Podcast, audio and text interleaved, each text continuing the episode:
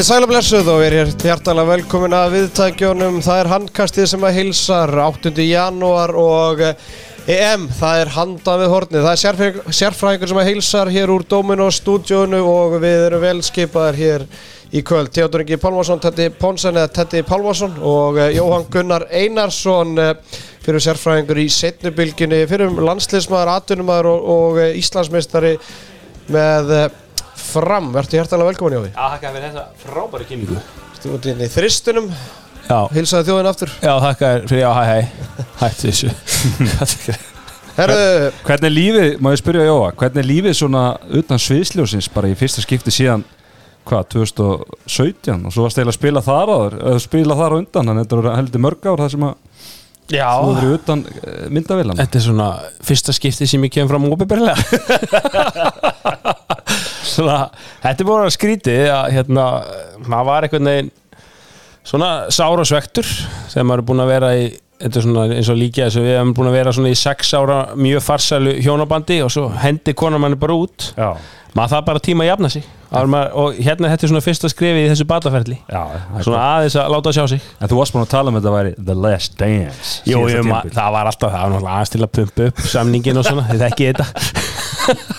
Maður vill alltaf hætta á sínum eigin fórsetum alltaf, það er akkurat rétt. Maður vil svona, þú veist, setja á Twitter og eitthvað svona fallett hvað þið mynd bandin en þetta var smá skellur en, en, en hér er ég komin, Já, verður bara velkomin að takk fyrir það.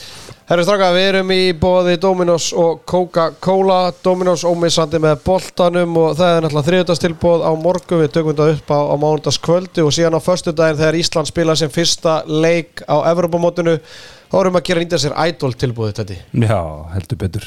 Var ekki þrjár mistar, Jú, jú, bara pitsu, 5.90. Já, bara eitthvað grínverð Þannig að, og ísko- ískalt Coca-Cola með því en uh, ég veit að stimmi mun nýta sér það en við verðum í ykkur allt öðru þegar við verðum í, í munn hérna á, á föstudaginn en uh, við tökum jáfnvel bara þriðastilbúð eftir viku þegar að Ísland spila þriðjarleikin í, í riðilunum bílamiðstöðun Krókálsi 7 Herri, ég held að þessi komið tíma á það að ég allavega láti vita það að bílamiðstöðun er bílasala. Kærastan ég held að þetta væri bónstöð Ha? Ég veit ekki alveg af hverju en við vorum aðeins að fara Hvernig yfir fekk hún það út? Ég bara, veit það ekki, hún ég, þú veist, tengi það alveg bílamiðstöðun Bíla, hún heyrt bílamiðstöðin, Bílabónstöðin. bónstöðin Já. stöðin, Já, Þannig að Já. uh, afsakið þetta þeir sem að þeir eru á sömu línu en bílamiðstöðun er að sjálfsögðu bílasala Krókálsi 7 og uh, þeir eru syngjandi og trálandi þessa dagana náttúrulega bara hálft landslið er náttúrulega bara valslið og, og hlutabriðin í völsórum þau eru græn þessa dagana Já, já, það er eh, vals slagsíða í þessu landslið þannig að þeir Já. verða vantarlega þarna á fremsta bekk í Olimpíuhöllinni Olimpíuhalle, Sennilega. München veifandi valsfánunum eins og sérfræðingunum vanur að gera á þessum stórmótum Ólís vinnur á vellinu, vinnur veginn Ólís vinnur handkassis og vinna hópur Ólís að fara yfir þetta allt kaffi á, á 50 okkar krónur og, og ég veit ekki hvað og hvað.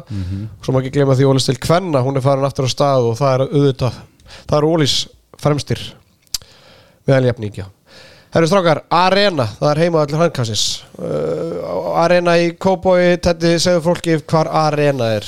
Þetta er þarna í turninum Já, það sem að fólk fór í hérna sínatökundar eða ekki hérna Já, í, í COVID. Já, og það er hérna leikfangabúð þarna já. Við Já, liðina þessi, og þú segir bara sem gamla Toys R Us var. Gamla það veit Toys R allir Us. hvað, þetta var óalega flókin hérna, leiðbynning COVID var, það var COVID og hundra sínatökur staðir. Þetta var svona aðal, var þetta ekki fyrsta Jú, þarna fóstu þenni íslensku erðagreiningu að þú vildi Já. fá svona eitthvað Já, já. í- dýpra, þú vildi fara dýpra í hlutinu en Yes. yes. Arena er nýr heimaðallur hankarsins og við hvetjum hlustendum til að vera með í stemminguna þeir sem fara ekki út og fjölmenni í Arena þar er bara eitt stærsti risaskjár landsins og, og þar eru tilbúða á uh, mat og drikk og svo er ekkert að því að kíkja jáfnvel bara í ykkur töluleiki bara í háluleik eða eftir leik Já, ég ætla að rifja upp gamla takta í counter í hálfleik Já, djúvill verður það gaman maður. Ég, ég er reyndar engin tölukall en, ég, er skaman að horfa á þetta.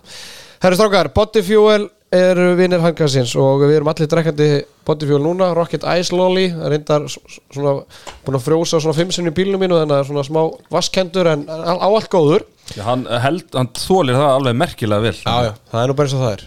En uh, Bodyfuel þeir að vera með leika á samfélagsmiðlum handkassins á meðan EM stendur og í tilinu þess þá ætla ég að henda ykkur strákar í smá spurningakeppni núna í byrjun þáttar Fimm spurningar, það er bara fyrstur upp í þrjú stík og eh, við byrjum þetta hér. Svíjar eru svo þjóð sem eru unnið EM oftast eftir að fyrirkomulega var breytt fyrir EM 1994.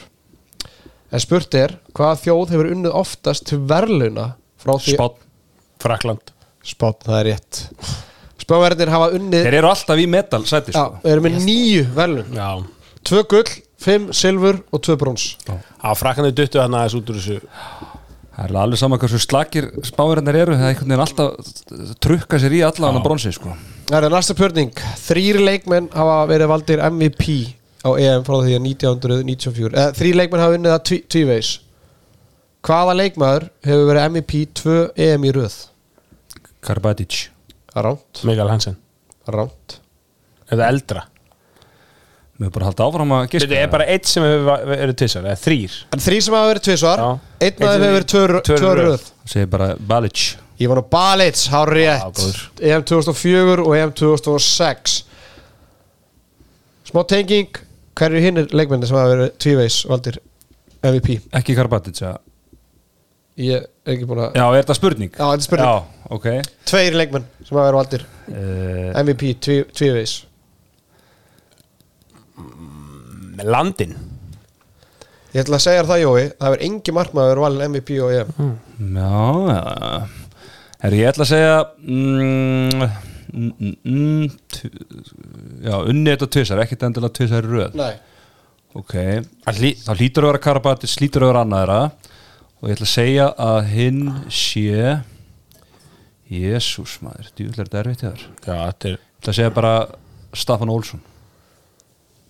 Það er rámt uh, Nikola Karbatis er rétt en, þú fær ekki stíf fyrir það Þannig að Jói getur ennþá og þú getur ennþá fundið svona rétta.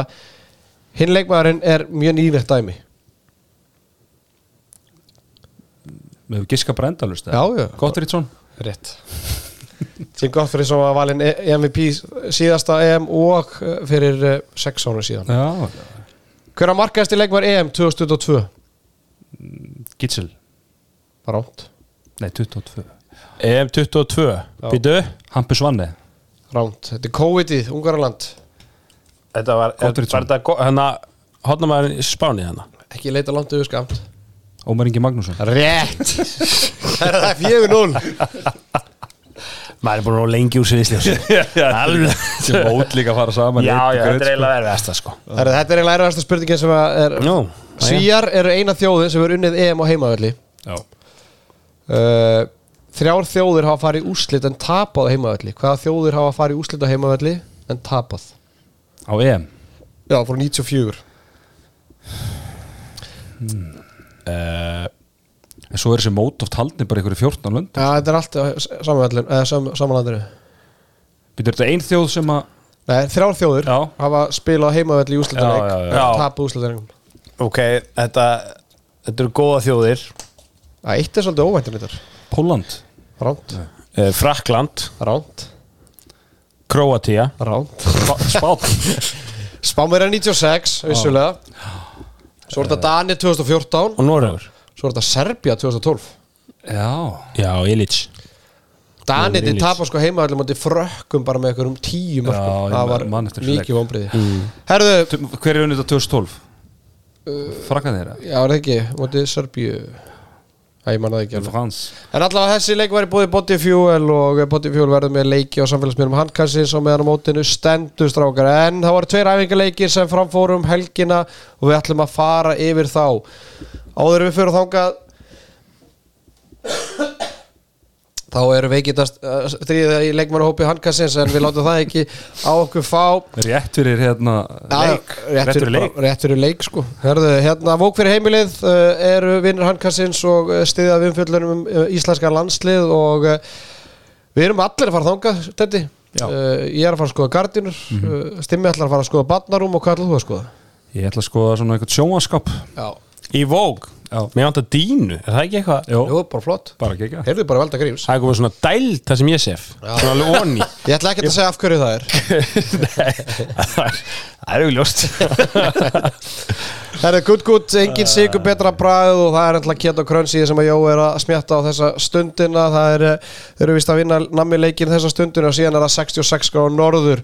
66 gráður norður klæðir íslenska landslið og klæðir handkastið og allir þeir fjögust Íslendingar sem eru á leiðinni til munn hérna, þeir þurfa að klæða ykkur vel farið þið bara í búðin á leifstöðun það er 90% ódýrar að vestla þar heldur en í bænum og eh, svo vestlun hún lokar 15. janúar vegna breytinga og þannig að eh, ég er alltaf ég þarf hanska, þannig ég mun köpa mér hanska í, í leifstöð á 15. morgun, ég skal lofa ykkur því Er ekki kallt í munn hérna? það er bara ískalt Mínus eh, 12 eða 13 eða eitthvað Það eru fjögur þúsund að fara, sagði það? Já. Hefur eitthvað tíma að fara svona margir Nei. áður? eða? Aldrei fleiri. Nei, Bara fjögust að færi bara undarriðil það veit ég ekki, strafa, fjö, þetta er flott tala. Já, fjögust Ég er að segja ef að það er bara Þetta er undarriðil þrjú þá, þá til verður fjögur þetta kannski þúsund. já, já, þá verður þetta kannski 7-8 á stað undan. Já. og helmingur verður í treyjum sem að passa á það Það er þetta geðvitt ef maður fængi er bólgin eftir jólin einhvern veginn og meira það síðast það er að rífa sig í medium einhvern veginn Herra, förum strákar í, í leikina báða gegn Austuríki. Tveir sigrar, eh, fyrir leikurinn endaði með fimmarka sigri 33-28 og setni leikurinn núna í kvöld 37-30. Jói, förum bara beint í þetta. Uh, Þetta er fjórði, uh, þriði og fjórði landsleikur undir stjórn Snorra Steins. Hvernig svona líst þér á þetta alls mann? Já, bara eh, engar flugveldasýningar ég svona var eitthvað að reyna að sjá uh, eitthvað rosalega, eitthvað breytingar frá fyrri þjálfara. Veist, ég hef ekki séð strax, jú vissulega þú veist, þeir keira alltaf hraða miðju en alþjóðlegu bolti ennú bara þannig að, langflestli gera það. Uh, mér fannst þetta bara fínt. Ég var svona vonast eftir eh, sko, mér, ég var fyrir smá sjokki hérna í færiðarleikjun, þú veist, að vera rústa svona fyrirleiknum en, og svo koma með hangandi haus og mér fannst stefni það aftur mér finnst að við hefum verið að koma inn á það stalla við hefum að vinna bara Austuríki nokkuð öruglega í röð og setni leikun ætti að vera auðveldari þar sem að menn eru búin að koma í fíling og, og svona lesa anstæðingi betur en já, þetta stemdi í eitthvað svona bölva leiðindi en svona uh, hvað segir maður, varamennir komu með ferskar blæinn í þetta og, og svona kláruðu þetta með sæmt og sjömarka sigur lítur vel út á, á pappir að þetta hafi ekkert verið eitthvað frábært en þetta var bara fínt Ok, hvað með hérna útskýra fyrir okkur, við hverju, hvað bjóstu við að hvað, við hverju bjóstu sem að þú síðan fegst ekki að sjá? Uh, ég, ég, sko, ég veit ekki sko, ég, ég var eitthvað á maður að setja þetta upp eins og valsdæmi, það er alltaf allt öðruvísi pakki, sko, hann var alltaf bara 2-3 ára að búa það til og, og hérna og svona Ég fannst ég að sjá handbræða því með Já. að keira upp þetta. Ég meina, í fyrraháleik við skorum öruglega 4, 5, 6 mörg þar sem að það líða ekki 10 segundur frá því að Austuríki skórar, þetta hefur aldrei séð íslenskan landsliðnaður mm -hmm. skilum við, við séð Guðjón Val og Sigvald og Bjarkar hlaupa ykkur hraðablöp svona eftir markvæslu en svona, þarna finnst mér að sjá handbræða Snorra Steins. Já, en um, Austuríki gerir þetta bara líka. En gerir, þú veist, þeir eru bara ekki skóður í því. Nei, svona, við erum alltaf góð eða, við Já, erum alltaf, við- já. það er alltaf komið eitthvað sko. Já, já. En svona, ég, já, já, ég, alveg hyglu sko, en svo var maður alltaf eftir að sjá líka svona, þú veist, þegar reynir á eins og maður var oft bara, þú veist, af hverju ég valur ekki að hérna, pása núna, þú veist, það eru þrjár mínútur eftir þeir eru tveimörkum yfir og þeir keira eða, þú veist, á, að þú er hann því með landsliði, skilur þú veist, landsliði var alltaf hans projekt en, en eins og við veitum að, að nei, já, landsliði er svona, þú veist, eitt þjóðar og svona, þannig að hann kennst ekki upp með að klúra ykkur svona dæmi, þá verður bara allt vittlust En, jú, jú, þú veist, þetta eru litla breytingar og mér finnst það rúlla fínt og mér finnst bara allir bara, þú veist, fenga að spila sem eiga greinlega að spila og maður er svona búin að sjá hvernig hópurinn verður, held ég. Það finnst mér aðal breytingin, það er bara hvernig hann rúla liðinu. Auðvitað er þetta æfingarleikur og allt það en ég svona, sé fyrir mér allan svona á eins og við rúlum til dæmis í, í fyrir álundum í gær að það verði svona laugardaginn, já. Nei, já, hérna í fyrirgeði fyrirdag að hérna það verði svona soldið uh, taktikinn hans going forward sko að hérna þú veist eftir þetta verður byrjun á liði og svo eftir hérna tímundu kortir þá kom, kemur þessin og, og hinn innskiluru og meðan gummið var svolítið að hérna að keira á færri mönnum hann ég heldur mun sjá miklu fleiri leikmenn í hlutverki heldur um áður séð og auðvitað þartu þess ef þú ætlar að spila svona hraðan bolta þá verður að, verður að hérna, dreifa álæginu sérstaklega í, í móti sem við vonum að verði langt og, og stramt fyrir okkur þannig að hérna Já, það var svona kannski svona helsti, helsta svona sem er svona augljósi munurinn á, á, milli þjálfara. Já, en langar líka sko ég held að margir þjálfarar hefðu mitt, eins og þú veist, Ómar Ingi, hann var ekkit frábær í þessu leikjum, og sérstaklega í dag að margir hefðu kannski reynt að halda hann lengur hér, þarf, hann þarf að komast bara í almennilegt gang. Við þurfum að fá hann al, alvöru hann var að misefna sendingar og, og svona skot og, og kannski einhverju bara það er svo stutt í mót hann þarf að vera besti mánu okkar, hann þarf bara að spila sem er í gang, eða, eða það Aron Pálmarsson var að byrja vel, veist, ok, her, þetta leiðum að fá henni tíumarkaleik og svona, en hann var bara greinlega með plan bara og ég held að allir bara lappi sátti með spiltíma sinn alltaf, nema kannski einhverju örfáði sem fengi ekki neitt að spila en svona heilt yfir eru bara allir sáttir allir í fíling og, og svo svona þetta verður náttúrulega ekkert svona á mótinu að bara svona eins og stoppustuð en þú veist, ég held að hann geti treyst öllum. Já, ég held að breytin bara er bara þannig og, og hérna, ég held að ég held að muni ég held að þetta verði líkari stoppustuð heldur en ekki já, já, Hann mun rúla útilínunni, alveg, alveg slatta, sérstaklega hérna miðjustöðinu og Ég held að muni skiptustöðinu. líka rúla hotnan, ég held að Steven þú veist, þú sjá það, hann bara byrja, þannig að leiku þannig í bakurinn varnarlega, skilum við, það, ég held bara, sko, eina eina sem ég segi einhvern veginn eins og staðinu núna er bara einhvern veginn að, þú veist, þú veist ég held að Snorri hefði þurft tvo leiki viðbútt einhvern veginn, þú veist, ég held að öll svörun hans hafi ekki fengið af því að, þú veist alla mínu upplifin í leiknum sem var í kvöld það var voða gaman í byrjun, skilum við, voða flott varurn og þeir voru voða aggressív og eitthvað svona og ég meina, komist bara auðveldlega Báðum, báðum leikjónum eiginlega. Já, báði leikjunum, já, sérstaklega í dag byrjaði þetta vel, skilum við, en svo Byrja ágætlega í gerð, nei, hérna á lögðan Já, sko. þetta, en svo kemur þessi slæmi kapli, skilum við, sem er bara, þú veist, ræðilegur einhvern veginn og þá bara, þú veist, ég held að ég held að Snorri pyrri sig á því einhvern veginn hversu, hversu slæmi kapli var lélu, og lélir sókn og voru að taka slæ, slæmar ákvarðanir þegar við komumst í döðafæri vorum við að klikka döðafæri við vorum ekki að grípa lín, auðvölda línusendingar og varnalega fórum við að bakka og tapa mönnum og, og, og hjálpa varnalega lélega. Þannig að, að þeim kapla, veist þá fekk hann eiginlega ekki neitt jákvætt skilum við, þú veist, og svörunin við var engin. Að kem, að koma þarna tveir eða þrýr kaplar þar sem við erum að tapa kannski fjögur, eitt, fimm, eitt á, á mínútum. þreim minútum Já, eða eitthvað. er það, það sem ég hugsaði var bara þú veist, voru frábærir en við vorum líka alveg ömulegir á sama tíma. Eða skilu það var, við vorum frábærir en það var samt bara eitthvað 11-11 á móti Austuríki þú veist, maður var svona, herrðu, þetta er too much. Maður var, maður alltaf ímyndið sér eitthvað, myndi Danindi gera þetta eða Svíjarnir maður, maður að miða topp, bara nei.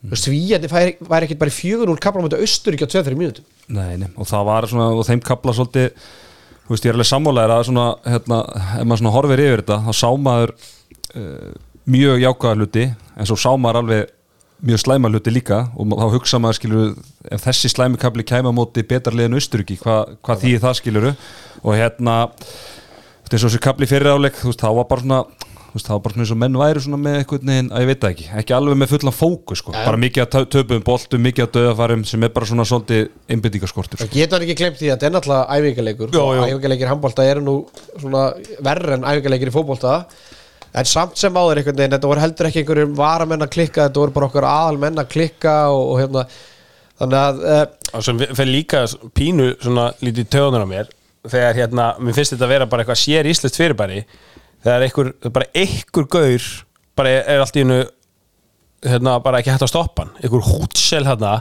tíu mörg bara að raða inn.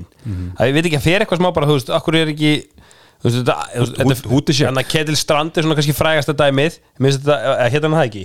Sko það er 19 mörg eitthvað. Svona bara, þetta, eru smámunir Ég veit það, þetta skiptir einhver máli í stóra saminginu En einhvern veginn fer þetta svona smá í töðunum Það er svona allt í hennu bara einhver gaur Herru, ég er búin að skora þrjú einnig, ég ætla að halda áfram Og hann bara getur skorað og skorað og skorað Ég veit ekki alveg hvað það er. Og Konstantín Möstl á ekki að vera dauðafæri frá Ómar Inga og eitthvað svona þar til guttunum þeir, eru búin bara asnalegirinn í markinu sem þú voru að verja fullt sko.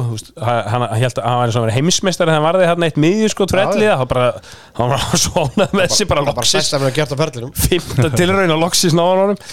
Herðu, strákar, sko, förum bara stöðu fyrir stöðu svona nánast. Förum við markvæsluna, uh, Viktor Gísli var hörmulegur í fyrir, fyrirháleik í síðasta leik og Björgun Páll kemur bara gríðalega sterkur inn og, og bara Já, nes, Okkar maður. okkur, ykkar maður. Okkar maður. El Presidente. En, en Snorri Var, var eitthvað status í dag? Nei, hann er svona daldið svona að setja myndur úr bókinni sinni núna. Ah, ok, það var eitthvað. Ha.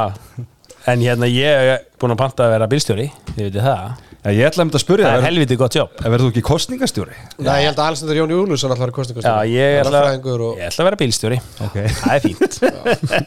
Hlusta á podcast og býða bara. Já, bara næs. Ekki hlusta á handkasti meðan að ver, eh, heldur að verða að spila eða?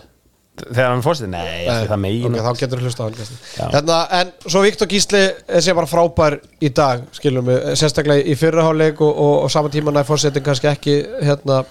sýnast þetta rétta andlit Já, ég meina, hann átti bara hörmulega innkomu og Viktor er basically bara settur inn á Já, já, veist, við sáum átt þetta, það. ekki oft í æfingarleik bara það er augljóst að markminnið er bara að fá sekund hálfleikin þá setur hérna, byrjunamann inn á á svo slaka innkomu sko. Mhm. og Viktor varði vel líka eftir að koma inn Ætlar að vera bílstjóra eftir þessa farmistuða? Já, já, Já, ok. Það er, ég er að segja þetta laununum, sko, ekki manninum. Við þurfum að ná tveggjast að tölu í prósentu Já. Já, það er lágmark, Björgur Pall með 9% markvæsli í dag meðan að Viktor Gísli með 42% þannig að staðan að markvæður fyrir mót góð, eða hvað? Samála, mér finnst þú fín. já, já, já, Ég fæst svona bara mikilvægt fyrir Bjögga og bara landslið að koma með, þú veist, það var aldrei langt síðan að koma þessi framistu að hann var bara frábár og síni bara, þú veist að hann er, ég held að Viktor spili langt mest á þessu móti en það er gott allavega að hann hafi, hafi náð þessum hálfleik svona upp, upp á framaldi Já. Ég fekk svona tilfinningu snemma í þessu leik að Viktor er frábær í þessu leik. Það var hann að fá þarna víti í byrjun hann er svona nálætt í að verja það og það var bara eitthvað svona eitthvað nist í augunum á hann maður svona með að við þetta væri æfingarleikur og við er vítið svo og það svona það kveikt í honum og var bara Það þurfti bara á svo að halda líka helviti góður hann er sko. bara komin líka á þann stað að hann á ekki á tvo lélega leiki í röð sko. hann er bara þann, þannig standard Herðu, Bjarki Már Elísson, uh, hann var svolítið að skjóta í andlita á markmannum í, í fyrirleiknum, var með fjögumörkur, sex skotum þar og uh, Steven Tópar Valencia kom inn á og var með tvö mörk þar. Steven byrjaði inn á í, í dag og, og uh, endaði með, uh, hann með? Tvö. Tvö mörk, já, og Bjarki tvö, þannig að uh, vinstur hotamennu voru með svo kringu 66% nýtingur úr þessum leikum. það var svona áhugaverðast að við kannski að Stífin var hann inni að við gáttum þá verið með Gísla Þorgir inn á Já, ég menn, það, var- það er kostur. Já, það var svona kannski hérna helst á, mér finnst að standa sig bara fínt í bakarinu sko Þú veist, það var hérna bara örfend að skitta er að var að setja miklu, þú veist, þetta var hans vesti hálfleikur í í þessum fjórum, eða í þessum tveim leikjum var að, þegar Stífin var á mótunum. Sammála því, sér, en ég menna, Jói, sérðu fyrir þér eitthvað að Steven muni byrja eitthvað leiki í EM með Ég get alveg sé að ef þetta verður svona löng skipting sko, það, það er náttúrulega snorri vilt bara keira og þannig hefur hann gísla sem er bara frábær að keira upp og þannig að ég get alveg trúið mér að Bjarki sér pínu pyrraði núna að svona eftir þess að vikaleiki hann sjá að ég kannski bara fara að spila 50% í þessu móti en, en ég, vörnin er jafn mikilvæg sóknin og þetta er bara mjög gott, gott vopn að hafa bara góðan hotnumann þarna sem er ekki alveg eins góður en það er bara svona kostnað sóknar en, en vörnin græðir. Sammála, Sigvaldi Kaldalóns var með eitt mark í fyrri leiknum og Óðin var með tvö, Óðin veikur í kvöld og eh, vonandi að verði orðin feskur vonandi að hann sé ekki með sömu síkingu og uh, sjeffin en uh, Sigvaldi var með þetta, hvað var mörg í kvöld? Það var eins og búðin í gamla dag, 11-11 þetta var svakarætt að sjá þetta og, og hérna Grætti á því að sex Óðinn mörg var, og fast break já, þannig að Já, hann heppir eina klúður en hans var lína. Já, og líka hepp, já, og Það var líka, svona- og líka heppin Óðin var veikur af því hann er ekki tvengið allan leikin sko. Hmm, komið sér í gang. Þannig erum við bara á góðum stað. Já, ég meina, bara, þeir eru báðir bara frábærir sko. Og hotnastöðunar eru eh, langt frá því að verka vandamála hjá okkur og ég hef engar ágjur af þeim. Engar ágjur þar uh, Strákar, förum í að mikið talað um það eh, þegar Guðmundur Þóru Guðmundsson var með liðið að, að það var bara plan A, A, A. Og uh, ég held að Snorri Steinn hafi sínda í þessum leikjum að uh, hann er greinilega með plan B sem er þá þessi fimmeitvörð sem hann fór í. Og maður sá það líka þegar að þeir náðu ekki skiptingunni í fyrir leiknum og þá senda Stífan fyrir fram og þá er bara algjör rettinga þá var þá allavega ekki bara látið Stífan verið í þristinum skiljum við með línir í fanginu. Þannig að veist, það er greinlegt að, að það er eitthvað pl- plan B að vera í ykkur fimmeitvörð og líka bara mismunandi útvæslur á 6-0 vördunni þú sáum þegar Arnar Freyr inni þá eru hérna, þristandi miklu passívari Stífin aggressívari. Já, svo þegar eina þóstundar inn á það eru þið miklu aggressífari og bara Ellið og Elvar líka Já. mjög aggressífir báðir sko En það er, það er eitt vandamálstrákar, það eru þungi línumenn og við munum mæta okkur þungu línumenn á EM þetta, sko, þurfum við þar svar fitnessport að hitta á strákana eða hvað? Já, eða sko ég ætla nú að byrja að senda hann á Tobias Wagner í fitnessport bara að kaupa allt. Ég, ég, svo, þetta er ekkert eðlilegt stykki sko. En ég er orðið, ég er bara ég far, þetta fara að fara svo í töðan á mér að svona algjörlega svona mediocre línum en líti oft helviti vel út á mót okkur þessi Tobias Wagner, hann er bara hann var í spil, spili samanlega á Marko Koret sko eða þú veist að í, þú veist, hann er brekans í Austuríki þú veist bara svona 20-30 kílóum og þungur og, og hérna bara leka leka kvitsuð fingur og maður hefur séð þetta svona svolítið oft og, og þetta fer af því að ég held að þessi gæi er ekki að valda öðrum toppliðum vandræðum sko. Ég, ég er svona nokkuð viss um það. Nei. en já þeir þurfa að fara kannski nokkrir að eh, það er bara hérna seltekið kreatinið senda strákan í það. En ég, en, ég, ég, ætla fara, en ég ætla að fara með Tobias og ég held að við þurfum báður að fá okkur Hydroxycut Hardcore. Ég- Það er nú hérna gaman að þú segir þetta. Ég með tengdapappa minn í heimsóknir um jólin. Hann er svislendingur, mikill landi smittmaður Já. Og hann kom helviti svona leðilega djók á mig. Hann sagði svona, hann ætla að tala ensku Hann er svislendingur Hann sagði svona Tell me your weight, Johan But I only want to hear the first three numbers Ah, hann er hresskallin sko. mikill landi smittmaður hún er nú gaman að svona leikmenni sem eru svona heilarinn á vellinum. Hann hættir ekki að tala um það sko. svona gamla leikmenn og... Andy Schmidt Herru, tölum hérna hann verður í eldlýrun á, á miðgudaginn Já fyrir, fyrir, fyrir framann 55.000 manns. En uh, fyrir maður sem við svo vörd strá, ég nefndi aðeins Einar Þorstein. Jói, hvernig fannst þið svona innkoma Einar Þorsteins vera í, í þessum fyrirleik liðsins og komur óvart að hann værið bara strax í, í róteringunni þarna Uh, já, það kom á vort og mér fannst hann bara hérna, nýta sjansi sin mjög vel í fyrirleiknum hann var ekki alveg góð, hérna, góða innkomu, eins góða í setni svona, en fúst, hann var ekki træðilugur en maður svona hjælt kannski bara að, að hann væri bara verið að taka hann með svona til að já, svona leifa að fá svona nasa sjón af þessu, svona kannski framtíða leikmaður, svona leikmaður í vörn. Þannig að en bara hent strax í djúbulögina og það var bara mjög ánægilt að sjá það og maður sá svona, maður búin að sakna þess að sjá svona eins og hann var að gera í val svona reyna að stela boltum, spila framalega og, svona, og bera boltan upp í, í setnibilginu hann var svolítið að því samt í dag að reyna að bera boltan Já, já, hann- honum greina treyst fyrir því sko, að, hann, að bera þetta bara, bera boltan upp ég veit ekki, hefur hann spilar hann einhverja sókn í hjá Gumma Gummi, þekki ég það ekki? Nei, ég held- Nei, er ekki bara orðin hann bara kerur upp. Hann bara keirur upp og út af, af. Já, já, þannig það að fannst mér reyndar sá hluti í hans leik fannst mér ekki virka í, í þessu leik. Nei, það kom lítið út úr því. Það var svona, datt pínu lítið í svona reynu of mikið, svona hnóðast og svona láta stoppa sig, en hann, hann lærir þessu.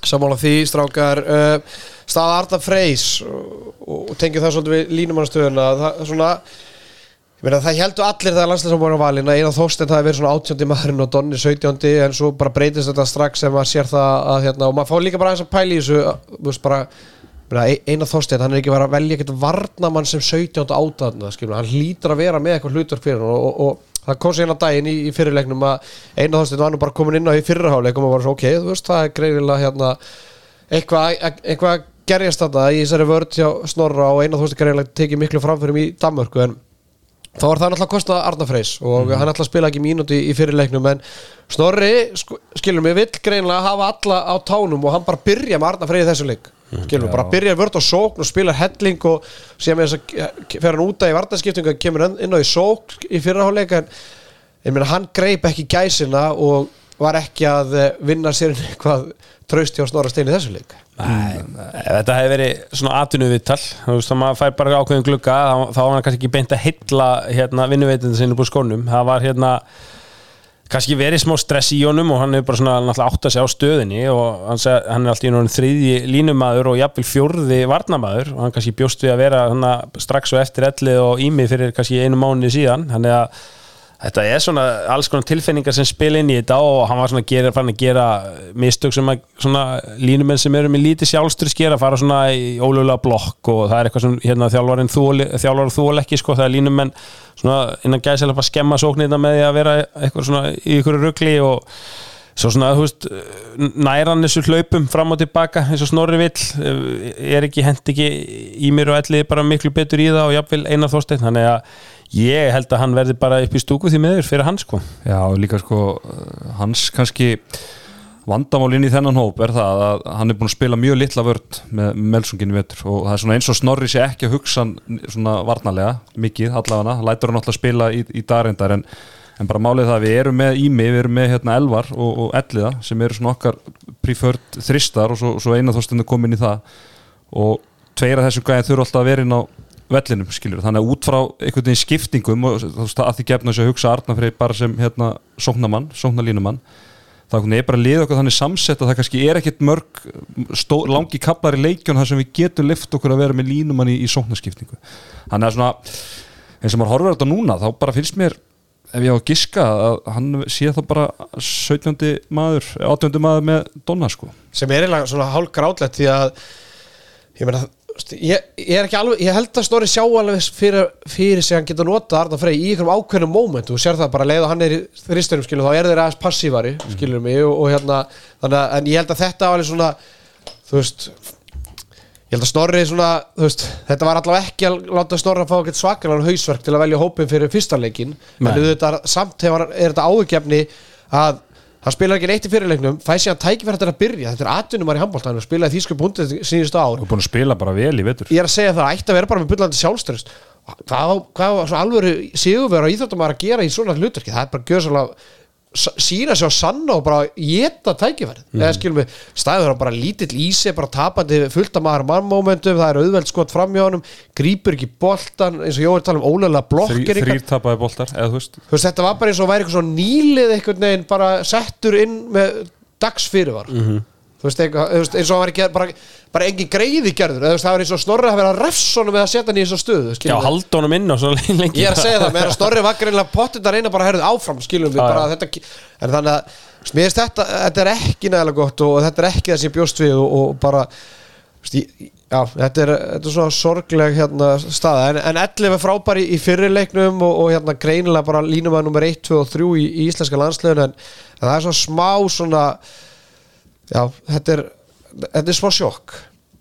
Að, að staðinu Arnar Frey sé ekki svona af því að í mér er engin heldur svakari sóknarmaður þannig að við þurfum Arnar Frey að halda. Nei, sem að Ímir sóknarlega þegar hann kom inn spilaði svolítið sóknarlega í fyrirleiknum sko, hann var bara hörmung sóknarlega sko, bara Það- var ekki að grípa bara með einfalda sendingar og allt svoleið sko. og það er mögulega ástæðan fyrir að Arnar Freyr að byrja þannig að leik er að Snorrið er bara vilja heyrðu, ætlar Arnar að taka þetta sæti eða ekki? Já, ég meina Arna Freyr er búin að spila bara mjög vel í vetur í liði sem er bara eitthvað í fymta sæti í búndislíku Já, kannski var þetta vonandi bara svona einhver One-off, leikur segjum það bara, segjum það bara. Ég er full að trúa honum allavega ef, ef að Snorri finnur hlutverk fyrir hann Það er Aron Pálvarsson, hann uh, byrjar inn á í, í síðasta leik og uh, byrjar sér á bekknum í dag og kemur inn á þannig að veist, það, það er bara, þú veist, Norri er bara að rótira liðinu og uh, mér varst mér varst allt önnur ára, sko ekki bara yfir Aroni í fyrraháleik, bæ, í báðuleikjunum fannst mér bara, þú veist, jú, ég, ég veit það að Austuríki jöfnuðu bara strax 11-11 en við bara byrjum leikin heldur vel. Að mér fannst bara einhvern veginn allt þú veist, já, ég, ég ætla bara að segja hvernig mér leið. Mér leið bara eins og menn væri ekki þvingar í eitthvað sem þau voru ekki, vildi ekki gera. Skilum við, en þetta er svo, svo bara fimm minnur setna, þá var þetta orðið bara 11-11 auðvitað eitthvað mistök eitthvað svona. Mér fannst þetta eins og varnarleikur væri gerður inn á styrkleika leikmanna? Já, Já. þú veist að menn, menn væri ekki þvingar í eitthvað af því að þjálfari bara þú átt að vera hérna, hérna og hérna og svona verður þetta bara. Skilum við, menn eru bara menn sjáuð eina þóstin og hvernig vörðin var í síðasta leik. Það var bara, menn snýru bara eins og þeir vildu snúa skilum við, menn bara annarkvort voru menn passífur og svo bara rauka einar út eða elli, eða, veist, þetta var ekki bara pinpointa bara, heyrðu, þegar vinstir glíðum með boltan elli, þá ert þú bara mættur hann 10 metra Ómar, veist, það hjálpa varnir Janus í bakur, komandi á blindurlein á miðjumannin og menn, veist það er alltaf svona vil ég að varnarleikur sér spila, er að menn séu bara svolítið bara on the board, skilum við, ekki bara einhverjar herruðu, svona átt að vera og bara ekkert múður. Já, mér fannst líka, sko, ég var ekki alveg viss hvað mér fannst, en svo er svona fannst mér þetta pínu töff þegar hérna, þeir byrja leikin í dag frábærlega og svo mink er bara Austuríki að hamra á þá og, sko, við erum að gera tæknifælina og þeir skorar í jafna og snort ykkur timeout. Og eina sem hann segir er bara, herðu, töföld varnaskipting þú fyrir út á, þú fyrir inn á og svo hann ekki neitt meir. Veist, það var ekkert eitthvað, strák, hvað er í gangi? eða, þú veist, strákar, tjekki í sóknu eitthvað, það var bara herðu, við erum að breyta hérna og það er svona, eins og sé að leifa einhvern veginn leikmönnum að finna út úr þessu, ég veit ekki svona fyrsta ríka, býta, halló, er þetta ekki landslýstjárari þú veist, er gummi gert þetta, hefðu allir verið komnir býtu, okkur segja hann ekki til leiklíðinu en mér fannst þetta svona pínu töff einhvern veginn bara veist, hann er bara, hann vissi bara þetta þú veist, þetta er bara kapli og, og það var ekkert að raun yfir neitt eða, eða taka neitt hann bara að ákveða þetta og var bara svona að minna með hann á hvernig skiptingarnir eru. Ég meina líka út með, þú er bara með þannig gæða leikmenn, þú veist sérstaklega í útilínunni að þetta þarf að vera með eitthvað svona smá þannig að þeir, þú veist, bara fá að vera veit, kreatífir þú ert ekki með taktitöflun að kenna þeim kæru í leikinu, sko.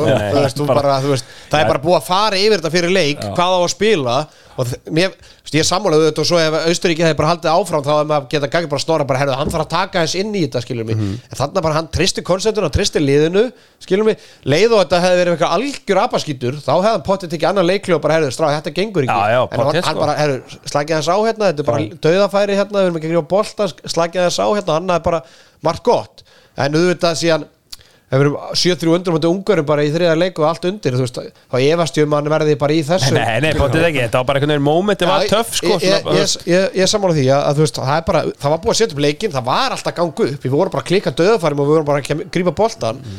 en varnarlega, þú veist, jújú, jú, hann hefði alveg getað aðeins hjálpa til og eða, lagt línundar en ég held bara einhvern veginn að undirbúningurinn sé bara það sem hann treystar á og síðan er bara leikurinn er bara svið leikmanna og bara gjör svo vel að gera það sem að, er, er búið að fara yfir. Mhm. Þannig að eh, Þannig er allar staðin, en tölum Aron Pálmarsson hlutvarkast þetta, er þetta ekki bara svona er þetta ekki svona 40 myndir í leik 30-40 myndir í leik? Jú, og svona þegar maður hugsa um þetta þú veist þá svona, e, maður tók svona eiginlega ekki eftir honum en það er ekkert endilega neikvætt. Þú veist bara, hann var bara inn á, þetta var bara óþvingað hann bara tók sína sjensa, skilur upp bara spilaði kerfin vel og, og bara einhvern veginn, eh, þú veist þetta nýja hlutverk sem við verið að tala um, þú veist þetta erum við með Hauk hérna er að koma inn og svo erum við Janus og, og, og Elvar og þú veist þetta er bara svona við þurfum að rúla liðinu mikið og ég held að það bara hendi honum vel skilur bara með hans meðslösu og annað og, og þetta var allar svona þú veist, auðvitað er spurningmerki að maður sem er vanur að vera bara nummer eitt í þessu lið og búin að vera það í tíu ár, hvernig hann funkar í því að vera allt í hennu komið bara í eitthvað svona rotation hlutverk og mér fannst það bara að gera það vel sko. Ég ætla að svara spurningunni, þú varst að spur, uh, tók, tókst ekki eftir honum og hvort það sé jákvæmt en neikvæmt ég held að það sé bara fáralega jákvæmt því að einu skipti sem að tekið eftir Aronni í landsleginu undan fara er bara neikvæmt mm. Já, já, það er þannig að ég held að það sé bara betra að það sé þá enginn að pæla í honum og er að skila 2-3 mörgum og 3-4 skotum bara frá, eða skilum, ég held að það sé bara og, stóðsettingar og Já, ég, veist, ég myndi, ég tek því miklu frekar heldur en að, að mann sé bara meðan á, í fyrirsögnu hvern, eftir hvern einasta leik bara því að hann er að valda vonbröð þannig að mér það bara þú veist, á, ég hef góða tilfinningu fyrir Arne Pálmarsinni fyrir þetta mót. Strákar, það sem heitast umræðan núna er Donni, Kristján Kristjánsson. Búin að vera að glíma með meðsli í aðdraðanda mótsins, ekkert spila með Páki í desember, hann er valinn sem greinlega, 17. áttir leikmaður hann spilar ekki mínúti sem er tveimur leikjum. Á meðan erum við með Teitur Einarsson sem er búin að vera gjössalega frábær með Flensburg í, í hérna í fjárveru Kæs eh, í- fjárveru Kæs Smits sem að, hérna, er, er að klíma hjartavandamál landslýsmaður Hollands.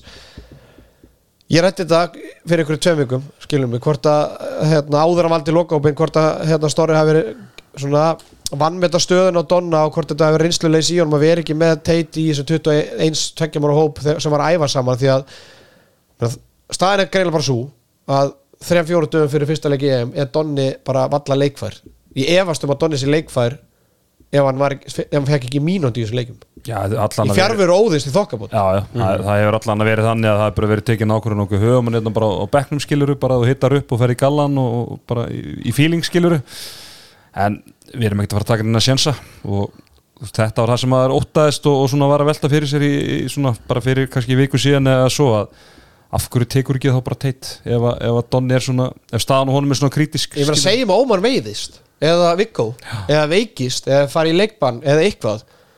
Erum við þá að fara að kalla don, tæpan Donna inn í hópin Já, engu leikformi og, og já, mér finnst þetta skrítið. Ég verða viðkjörnum það og, uh, en, en maður, maður veit ekki, kannski eru sjúkur hann að meta það bara að þú veist að hann er klár alveg 100% eftir tóta, við meðum ekki taka sensin en þá er hann ekki búin að spila handbólta í rúmlega mánuð.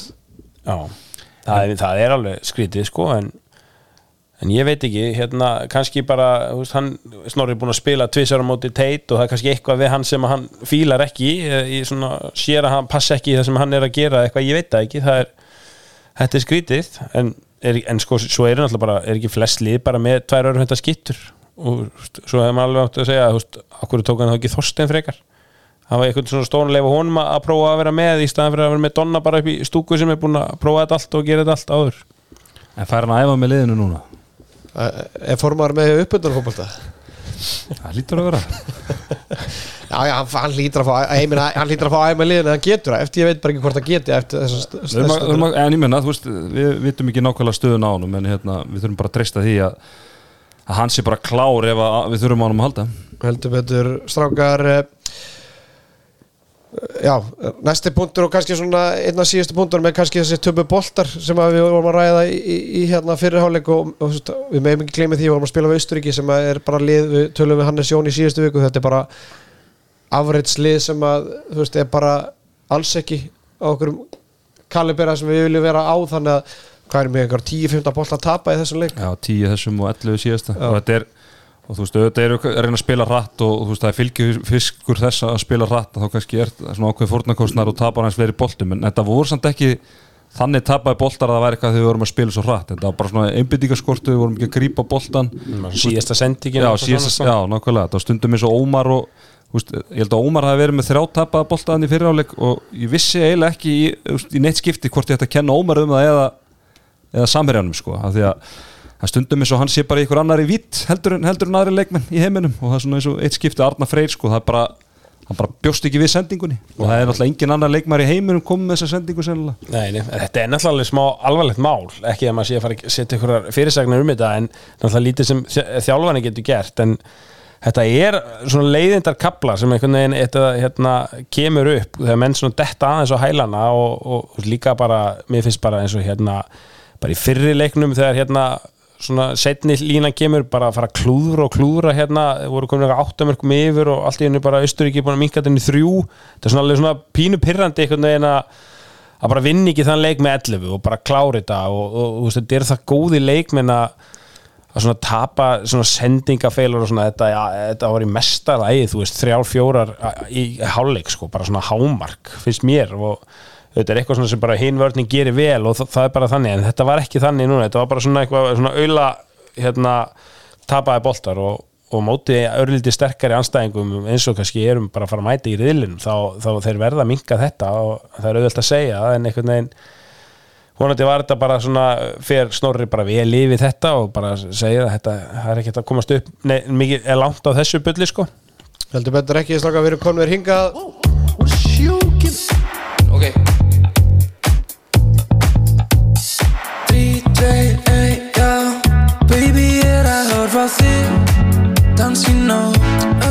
Það er nokkó leikmaður leikjana tveggja. Björgur Páll Gustafsson hann var nokkó leikmaður fyrir leiksins og í kvöld þá var að sjálfsögðu Sigvaldi Guðjónsson Kaldalóns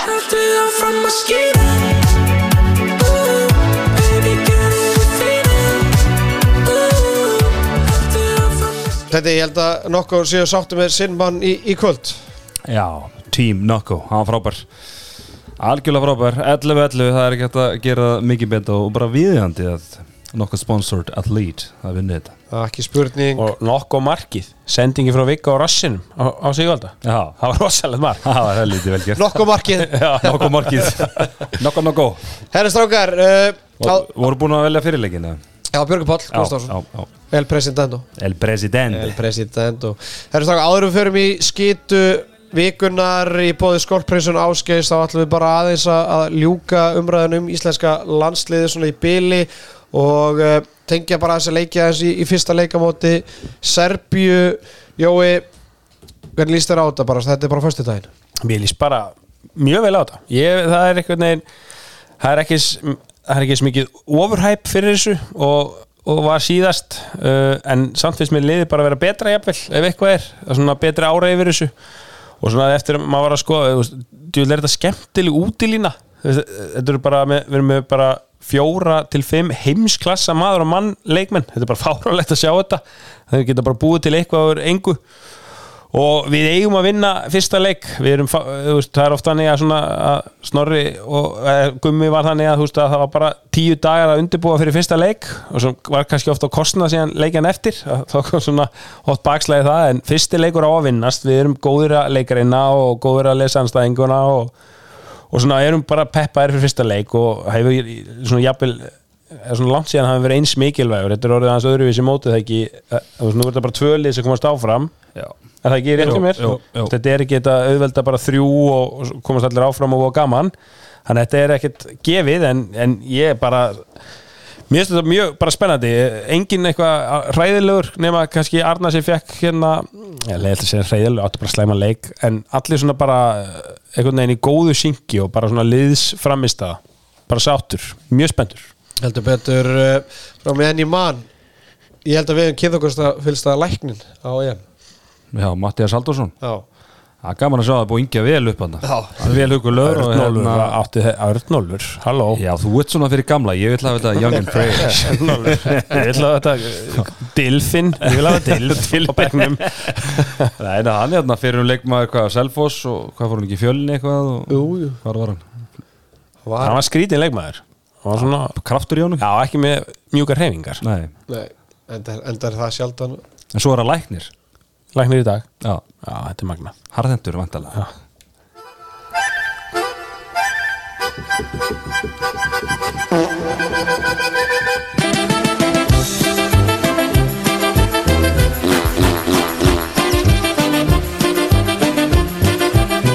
Herra, það er skita vikunar og jafnvel skita mánaðarins og jafnvel tveggja, síðustu tveggja mánaða. Skita já, skita eitthvað. Í búið skólprinsun Ásgeis uh, við ætlum að senda skólprinsun Ásgeis þetta bara í laugadalinn á skrifstónu hjá HSI það þarf eitthvað að uh, Ennett skipti ekki, ekki fyrsta skipti þetta er bara það er, Æ, það er er, óþægilegt það er mikil starfsemi í laugadal og þannig að það er ekki skrítið að það þarf stundum að senda skólprinsun þangað en uh, ástæðan er hver þetta Heru, Það er uh, markasefnið Það er alveg tvöfald Já, við verðum með þeir kannski það er hérna bara kynningin fyrir mótið já, og treyjuskortur fyrst og fremst. Já, ekki fyrsta skipti? Nei, ekki fyrsta skil Þeir ætlu að breyta leiknum Já, núna fyrir þetta tíðanbil og, og hendur þessu bara í hendur hendur á Boost, gerðu samstæðstæðinu Boost og Boost fær uh, góðan hérna góða auðlýsing á búningunum og áttu síðan heldur betur að að skila treyjunum til landsmanna og uh, núna í dag þá bara ég ákveð bara að, taka þess þátt og, og, og fó bara að vinna sem alvöru blaðamaður og, og ég fó bara, opnaði töluna og ákveð bara, herðu, nú ætla ég bara að, þig, að reyna að kaupa þessa treyju og ég fór á boost.is eða boost.com og skrifaði veist, Ísland og þá kom bara kom ekki neitt upp. Og ég skrifa HSI þá kom eitthvað svona hooded shirt eitthvað, eitthvað svona stóra peysur eitthvað. Mertar Hossi nei, nei, ekki þannig. Svo skrifaði ég Ísland og þá var ég undir hérna kvennaflokn og þá fekk ég eitthvað svaka flott undirfött bara frá okkur öðru fyrirtæki. Ég sagði bara ok, þetta er eitthvað ég þarf að finna eitthvað KSI þannig ég fyrir hsi.is og aðtókur þetta sé einhver linkur nei, nei, það er hérna vefverslun. Þar gæti ég keift uh, landstins stuppbuxur frá 2022 í mjög stóri stærð og ég vil eitthvað fána þannig að ég hugsa, ok, það er ekkert þarna, það er engin linkur. Ég, ég googlaði HSI og Boost. Þá kom einhver frétt á HSI að það var svaka samstæðsamningur og, og það mætti vænta treyju inn á boost.com á næstu dögum og þá, en engin linkur. Þannig ég fór bara aftur á boost.com boost.com boost.com og ég hugsaði bara þetta ef ég væri einhver venjuleg gómur þá væri ég hættur þessu.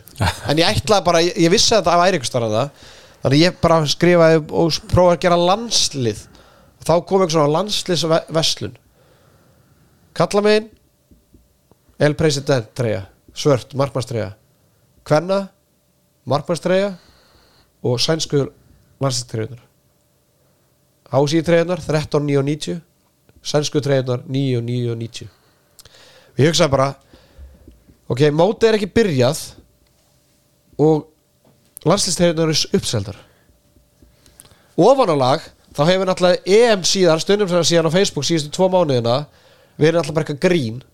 Það sem að fólk var að reyna að kaupa sér treyjur í XL eða large og fekk í ekstra small eða medium eða fekk kallasnið eða vildi kvennasnið og það en- enda einn dag er fólk að reyna að býta til að vera bara dressað upp. Geta komist í Bara komast í- ég var svona ég, ég, Er eitthvað til að skipta XL og medium? ég ætla nú einhvern veginn að henda bara í komment bara herðu, farið bara í keto, það er glöðveldara fyrir því sko. Þetta er rosalegt klúður. Já, ég meina, veist ekki í fyrsta skipti. Ég ætla að mæta bara, ég sett á Twitter síðan minn áðan að ég ætla bara að mæta full kit Björgvin Páll í Olimpíuhöllina í munn hérna En ekki hvað. Og Björgi var að læka þetta segja þetta núna. En ekki hvað. Já bara í beinni, þetta er að gerist í beinni. Að Þannig að treyjunar eru þetta. uppseldar. Já, mér sýnist það. Já. Og mótið er ekki byrjað. Eftir hún náður að krakka kóðan. Já, að- Landsliðs landsliðsverslun. Verslun. inn á búst.com Þá kom- en, en, en það eru markmannstreyður Já. Það er ekkert ótrúlega hátt. Það var ekki búið að selja alla mar markmannstreyðunar maður velti í fyrir sér þetta, við rættum þetta saman í dag þegar við varum að undurbúða þáttin að ég meina, þú veist, það, eins og ég var að sagði þetta það, það var ekki eins og við varum að fá vælkartinn á móti í fyrradag skilur það er bara að vita þetta í hálft ár herðu, það er EM í janúar það eru 4000 Íslendingar að fara það eru 4000 Íslendingar sem vilja vera í treyjum í höllinni fyrir utan allt fólki sem vil líka vera í treyjum hérna á Íslandi og allir krakkarnir. Að þetta sé staðan 5 dögum fyrir mót. Ísl Íslenska landsliði í handbólta er van nýttasta auðlind þjóðarinnar. Getur kassa svo miklu meira inn á þessu liði. Og þetta, hérna, Hjörður Hafleðarsson hann hefur rætt þetta mikið og spoiler alert, hann kannski gerir það þessi betur í næsta þetta handkastinu. En hérna uh, þú veist, er, og þetta er bara dæmið það. Þetta er bara algjörlega sko, hérna, uh, hvernig fólk hvernig er að meta eftirsputuna, það er alveg, alveg glórulöst og þú veist, þið sjáu bara hæpi og fólki sem er að byggja um þetta, veist, þetta eru kannski 2-3 treyjur sko, Já, sem eru að missa já, já. Bara að munar alveg um það sko. bara, bara horfum- meira, sko. horfum bara um kassið sko Já, það er bara við að það treyja sig að 13.990 og, og það kostar auðvitað, kostnaðan er auðvitað í kringum 390 krónar sko.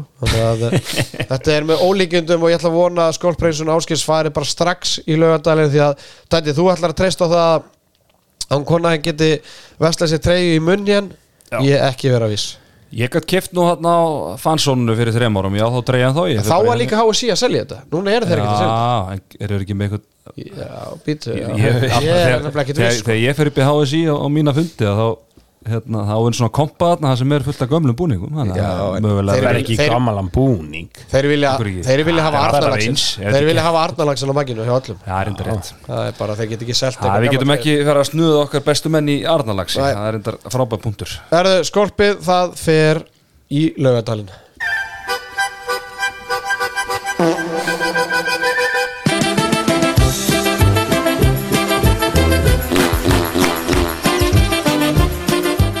Herru Tetti, Jolli á tix.is, hann vildi vita hvernig anstæðingum okkar gekk núna í aðdraðanda EM eh, þjóðurna Serbía, Svarturland og Ungverarland og eh, Serbarnir, þeir spiluðu þrjá æfingarleiki í aðdraðanda Það er mótsins svona æfinga mót held ég Já. Var þetta ekki á Spáni? eða?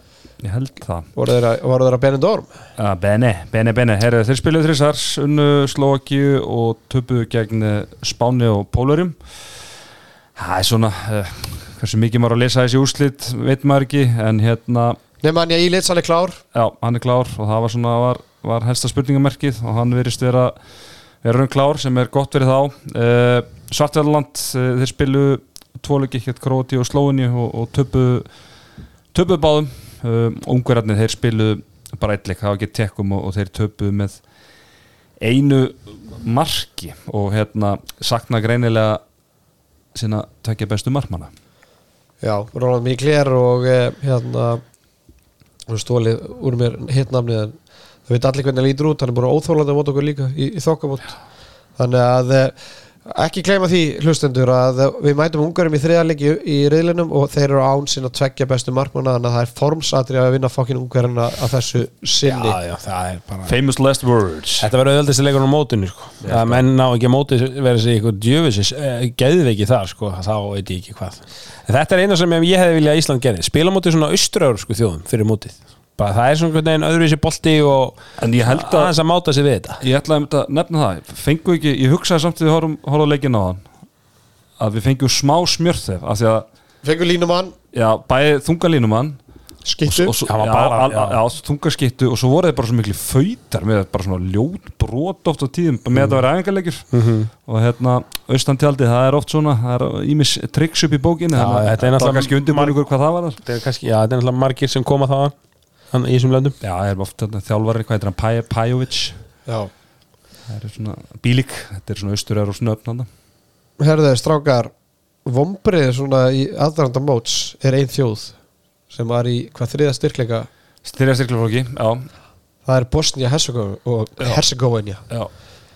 Þeir, þeir tapa öllu lengjur sínum við aðdraðanda mótsins tapa mútið Argentínu með 9 mörgur 32-23, tapa mútið Sviss 39-21 og töpuðu á mútið Rúmeníu 29-19 Þú veist, Þetta er þjóð sem við hefum getað mætt í staðin fyrir að mæta Serbíu. Já.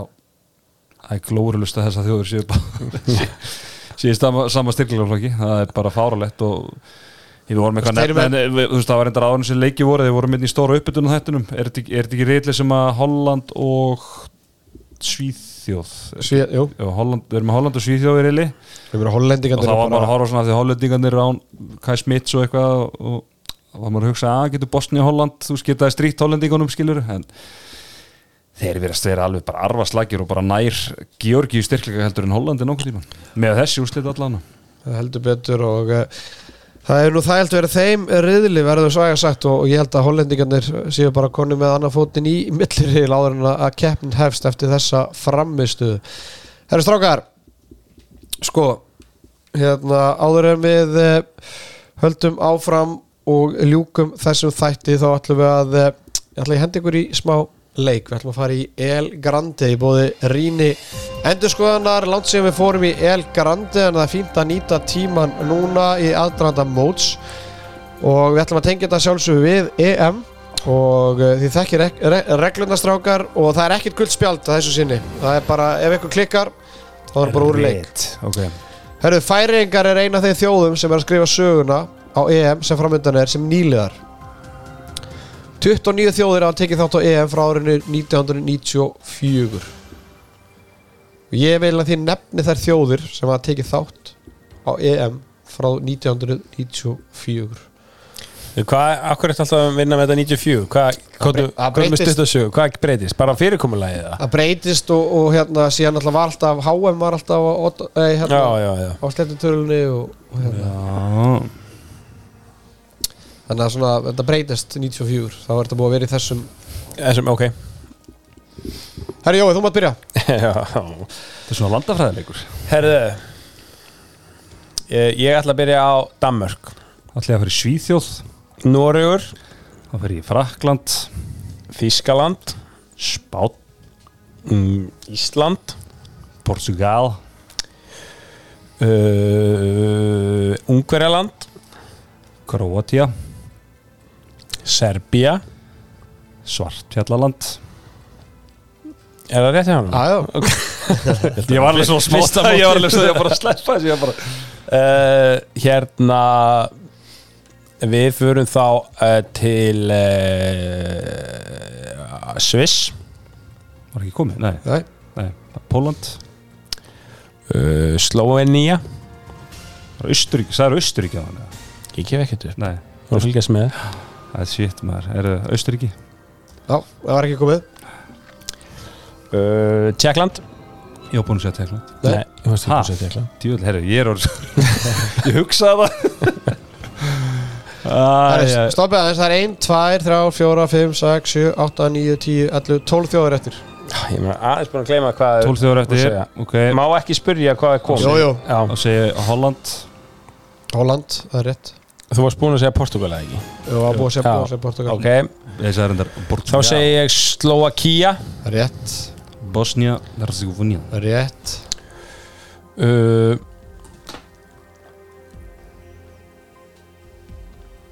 Níu þjóðir eftir. Nýju þjóður eftir. 20 svona- þjóðir búnar Já, þetta maður ætti nú að koma með nokkar í bót Ég er að gleyma risum sko. Já, já, Uh, Það Þá ætla ég að segja næst.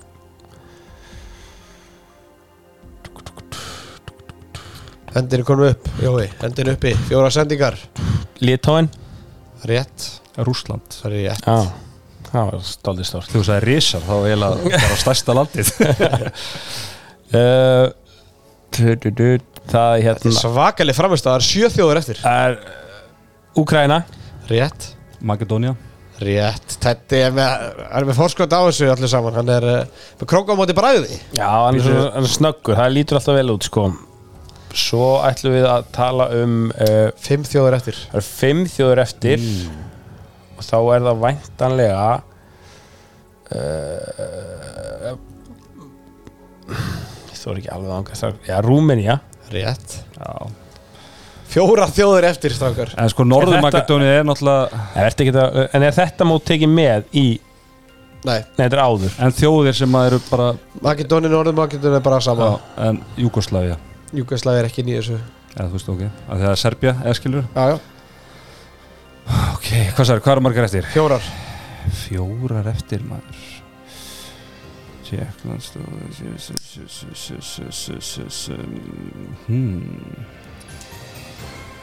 Eru við eitthvað að gleyma ykkur um alveg ykkur um Nei, ég segi það nú ekki. Þetta eru svona litlir litli kallar. Litli kallar. Já, nú er ég eiginlega bara komin í gisk sko. Nú er ég alveg hættur að vera með öryggið á oddinum eins og maður nú er ég að reyna að sjá fyrir mér hérna Európu Európukortið það er alveg hérna Hendurinn kom upp þetta er Hvítarúsland Það er rétt þrjár þjóðir eftir að 29 því þetta er svakalega framist að það er að synda annar þurfa að fara heim með skotta um milli lappa ég með tvær, tvær í tvær í tungurum tvær sko en einn er alveg hræðileg það er báður hræðilega sko bitti bitti bitti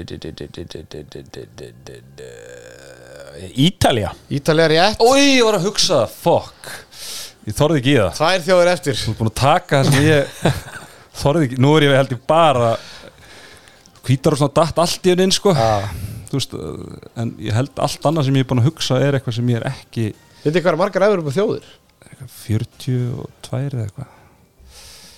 Eitthvað svo leis Herru, þetta er great radio. Herru, ég þarf eiginlega bara að fara að giska sko, ég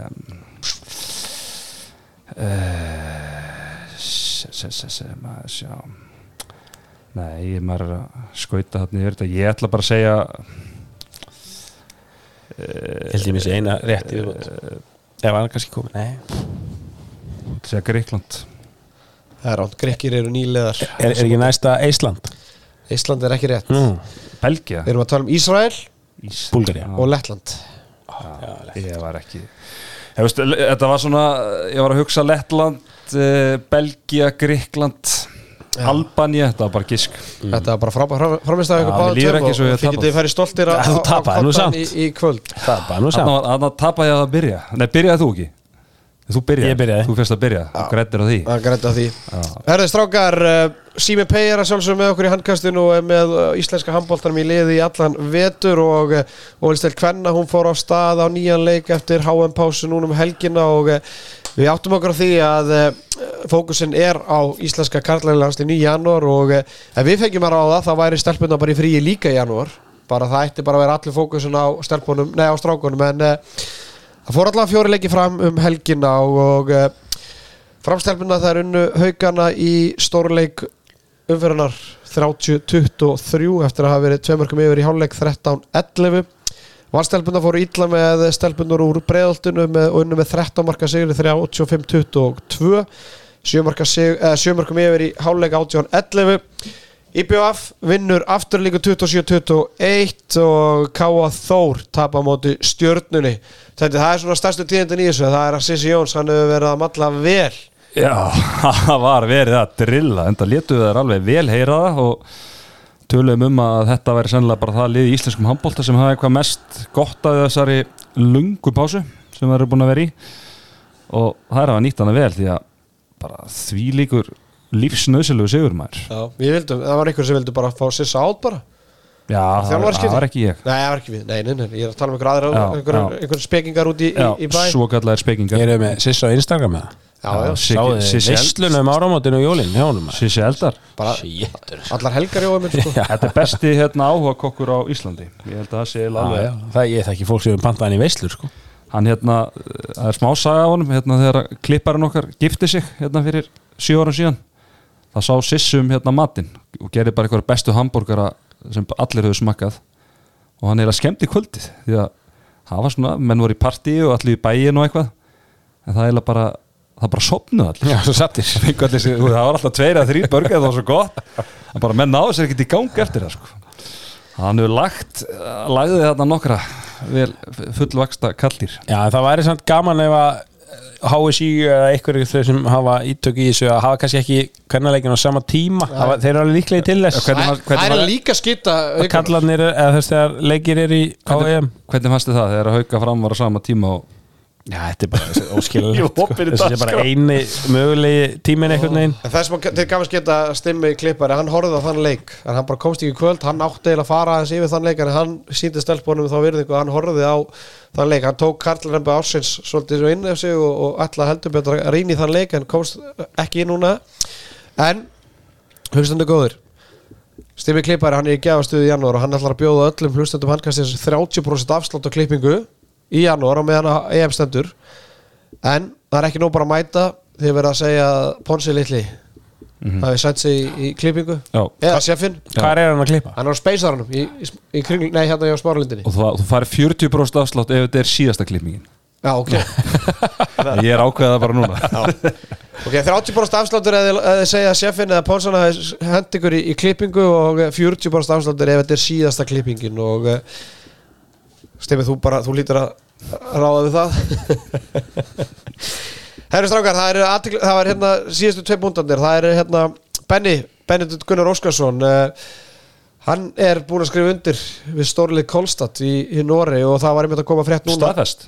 Já, það er bara staðfist, hann fyrir í sumar. Ég ætla bara að staðfista það nú þegar. Geðvegt og það var að koma frétt núna bara í, núna Kristján Berge þjálfari linsins er búinn að framleika samlingi sinni til 2027 þannig að Benni verður hans stjórn á næsta tímabili og uh, það verður aðteklast að sjá Benna í, í norsku deildinni og uh, Bara í þessu þessu liði, Liði, sko. já, já. mér síndist reyndar að Magnús Röð það hefur verið að tilkynna það að hann ætla ekki að framleika samlingi sinni og verður ekki með liðun á næsta tímabili En hérna, nú datt ég aðeins út úr þessu hérna, þeir voru í ykkur fjárasörleikum þeir eru að bjarga því veginn Já, leyti. En það leit nú ekkit vel út á tímabili Nei, nei, Nei. þeir að missa Janus skilur við og síðan er Magnús Röð að fara að, og þeir eru greinlega sækja núna Benna, ég, ég held að Benni sé ekki á sama samlingu Magnús Röð. Nei, höldu það. En er hann að fara þá í beina samkeppni við Sandi Sakosson og Göran Jóhannesson ætli ekki Benni, eh, Saku sinni vinst skiptinu og Benni verður á miðinni Já, Já, þetta er og, töff. Göran, og Göran bara á, á bekkin já, bara varta skiptinu startir Benna. í, startir í Norri Já, Herru, svo er annað, annað slúður og að við fengum það nú bara í, í hendurnar bara rétt eftir ármótin að Seffi bara stengglimt að að blasta því hingað í handkasti en Brynja Vignir, markverð afturlíkar hann er bara sterklega orðað við stórlið Porto í, í Portugal. Já. Er Já, það er- Íslands nýlenda ára Binni frændi maður, þeir bara pakka dýtlan af fósbræðurnir En hérna, já, já, það er bara uh, Það er vel gert. Þetta er bara, já, það, ég held að sé Við vitum bara að- það er er að fara yfir, fara yfir þetta bara. Já, hann er ekki búin að skrifa undir en, en hann er með, það er bara, þú veist, hann er með samning á borðinu og, og þeir hafa leigið í honum núna síðustu vikur og mánuði þannig að Já.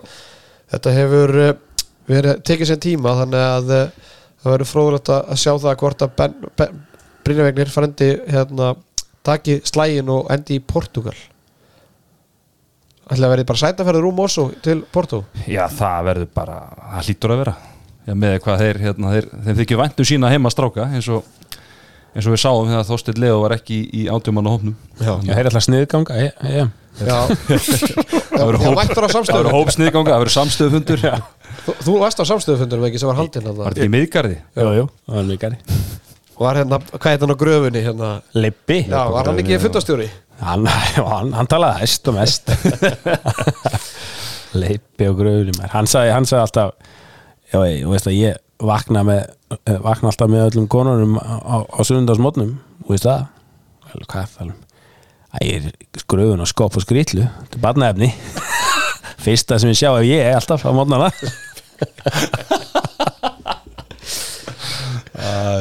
Þetta er snillingur. Það er algjörðið líka Þetta er snillingar í, í Mosel spænum uh, við heldum, heldum við verðum ekki lengra þessu sinni, við verðum hérna aftur á miðutaskvöldi þegar að Tetti Stimmi og jafnvel einhver doktor mætir hingað og uh, bara hittar rétt upp fyrir flautið. Uh, ég hef náttúrulega hefst á miðutagi með tömur leikjum Frakland, ekki Frakland orðið Makedónia og síðan Þískland Sviss. jú, jú. stóri leikur, ég held að, ég held að, held að fórgjöðun á Frakkandi sé mínus 11,5 Nú, á, á vinum okkur á Íslandi þannig að eh, það var nú ekki mikil spennað í þeim leik og sannilega ekki eitthvað meiri spennað í leik Þískaland og, og Sviss. En síðan stækkar þetta það verður aðeins meira spennandi ekki heldur það? Ég veit það ekki. Það verður ekki ómikið fyrir þá. 55 manns og bara tögum bara tögum Já, og Andri- Svissarnir Svissarnir er alltaf vanið að spila fyrir svona marga þannig að Já. þeir fara á Smitt, tögum Smittarinn, þetta er hans svið. Hann er vannið því. Það er þetta rétt. Það er þetta rétt. Síðan á föstudaginn þá hefst veistlan hjá íslenska landsliðinu þegar Ísland tekur á móti Serbíu klukkan 5 á íslenskum tíma og eh, það er forgjöfun strákar. Þeir, þeir veðmála, síðanar þeir eru að gefa Íslandi fjóra í forgjöf. Ísland vinnur með 5 mörgum það myndi ekki snert Ég myndi örugglega fara frekar á plúsinu Já, En ég held ég sleppi því bara báðu.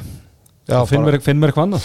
Já verður bara syngjandi og tráðandi yfir. Já, kannski einbyttum mér Nei, nei, ég fer bara í Tekum maður ekki bara SVF og hérna Para með ungverðum eitthvað að segla Við hvetjum allar hlustandi til að gera leikið skemmtilegri með því að við erum með nokkar dúllur á þessu leiki og þetta, þetta gerir leikið skemmtilegri Allir leikmannamarkaðanir, þetta er bara skemmtilegast sem ég gera á hverju ári Já, ég var allan vel pyrraður þegar þetta, þessi leikur á var jafn bara. Já, gott að fá tögarnar upp aðeins. Uh, Jói, Já, gaman að komast aftur úr hólunni. Já. Virkilega gaman. Good to have you back. gaman að heyra í þér. Það er bara long time now heyri í þér. Já, og hvernig verður þetta svo hérna þegar þið verður úti? Verður eitthvað starfsemi eða? Klippari verður Klippari Klippari verður með með- st- starfsemi eftir leik en svo verður við með bonus pod á laugadegi í ég ætla að opna fyrsta bjórin þegar við erum að taka upp podið Já, þið er náttúrulega vanir að, að taka upp podcast á ferðinni. Já, já, Já, seffin á ferðinni. Já, seffir á þannig að við erum ferðinni. að spája að leiða bara einhvern Uberbíl og láta hérna, keira okkur bara um borgina og tökum þetta bara í bílnum. Já, já, gaman líka að heyra svona hvernig stemningin er og Já. hitta, þetta er náttúrulega bara svona reunion, svona mót, svona kempur og mæta, þið láti ekki góðan öl fram hjá sér fara. Ný. Grindavísi talan gríðalega há með aftur í öllinni? Já, hann er nú með allt á hreinu. Já, en ég segi hvort, hvort að klári poppi, hvort hann tæki Já. Lars. Það finnst mér ekki, ég ætla, ég ætla að taka ég ætla að finna stærsta poppokan og vera með hann í stúkunni. Já. og maula yfir leiknum. Heldur betur áfram Ísland segjum við bara og sendum góða kveður til íslensku strákana. Þakkum hlusturna og verðum aftur hérna síðar í vikunni